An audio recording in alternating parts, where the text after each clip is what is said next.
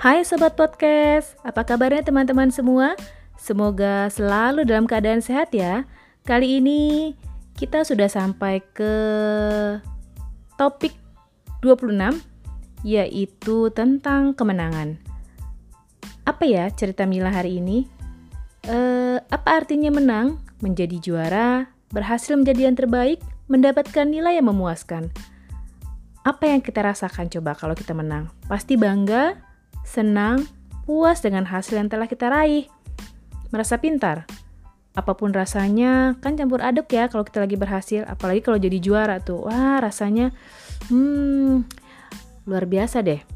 Tapi Sokes, ingat, boleh saja kita punya perasaan bangga atau apa pun ketika kita meraih kemenangan dalam hal apa pun.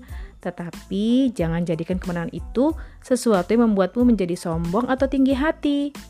Sebaiknya, jadikanlah sebuah kemenangan itu semakin membuat rendah hati dan berusahalah untuk mempertahankan sebuah kemenangan dengan sebaik mungkin. Ingat ilmu padi, semakin berisi, semakin merunduk. Demikian Sobat Podcast, sampai jumpa di episode selanjutnya. Salam sayang selalu dari Mila.